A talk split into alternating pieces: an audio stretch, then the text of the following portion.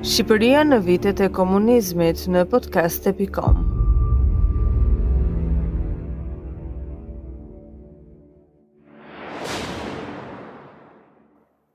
Vasil Loni kishte qenë një ndër partizanët që kishte luftuar, por kontributi i tij ishte harruar dhe për arsye që nuk dihen.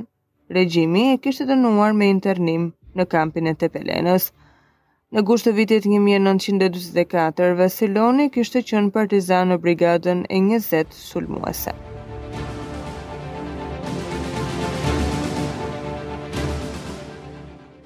Në shkurt të vitit një mijë e nëntëqind e pesëdhjetë e dy, nëna e tij kishte vendosur t'i shkruante diktatorit Enver Hoxha për t'i kërkuar që djali i saj të lirohej, pasi nuk kishte qenë fajtor dhe se kishte luftuar për liri.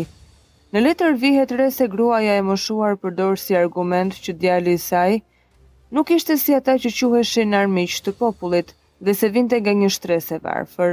Për këtë arsye ia kërkonte lirimin e tij. Ajo sqaron gjithashtu se këtë kërkesë e bënte e nxitur edhe nga situata në të cilën ndodhej dhe se ndjehej e turpëruar pasi djali i saj quhej armik i popullit.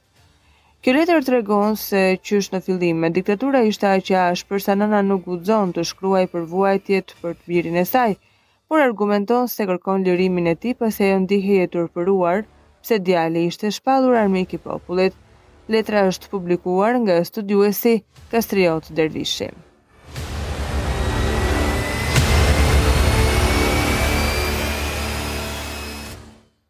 Kryetarit të Këshillit të Ministrave, Enver Hoxha.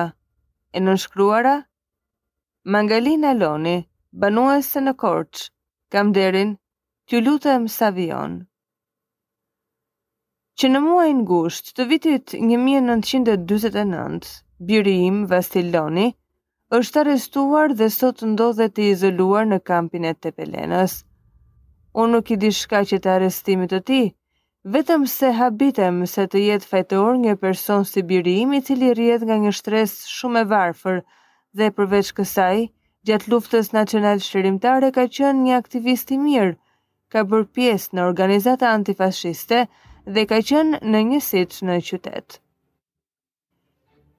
Në gusht të vitit 1944, ka qenë partizan i ku.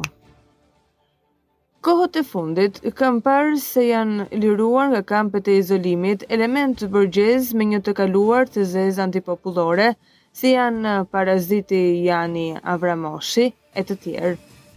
Edhe biri im po mbahet akoma, Unë nuk di shkaqet e mbajtjes së tij në këtë kamp, por më vjen turp nga bota që biri im të konsiderohet si armik dhe në rast se faji është i tij, i tillë sa të qëndrojë akoma në këtë kamp, unë e pranoj. Por vetëm do të dëshiroja që të merret edhe një herë në shqyrtim çështja e tij nga organet kompetente. Nuk e di nëse e kaluara e tij lehtëson këtë dënim, Ju kujtoj se jam një plakë që me izolimin e tij ka mbetur vetëm dhe pa asnjë përkrahje. Ju përshëndes dhe ju uroj jetë të gjatë. Margarita Loni Një i dyti, 1952 Shqipëria në vitet e komunizmit në podcaste.com.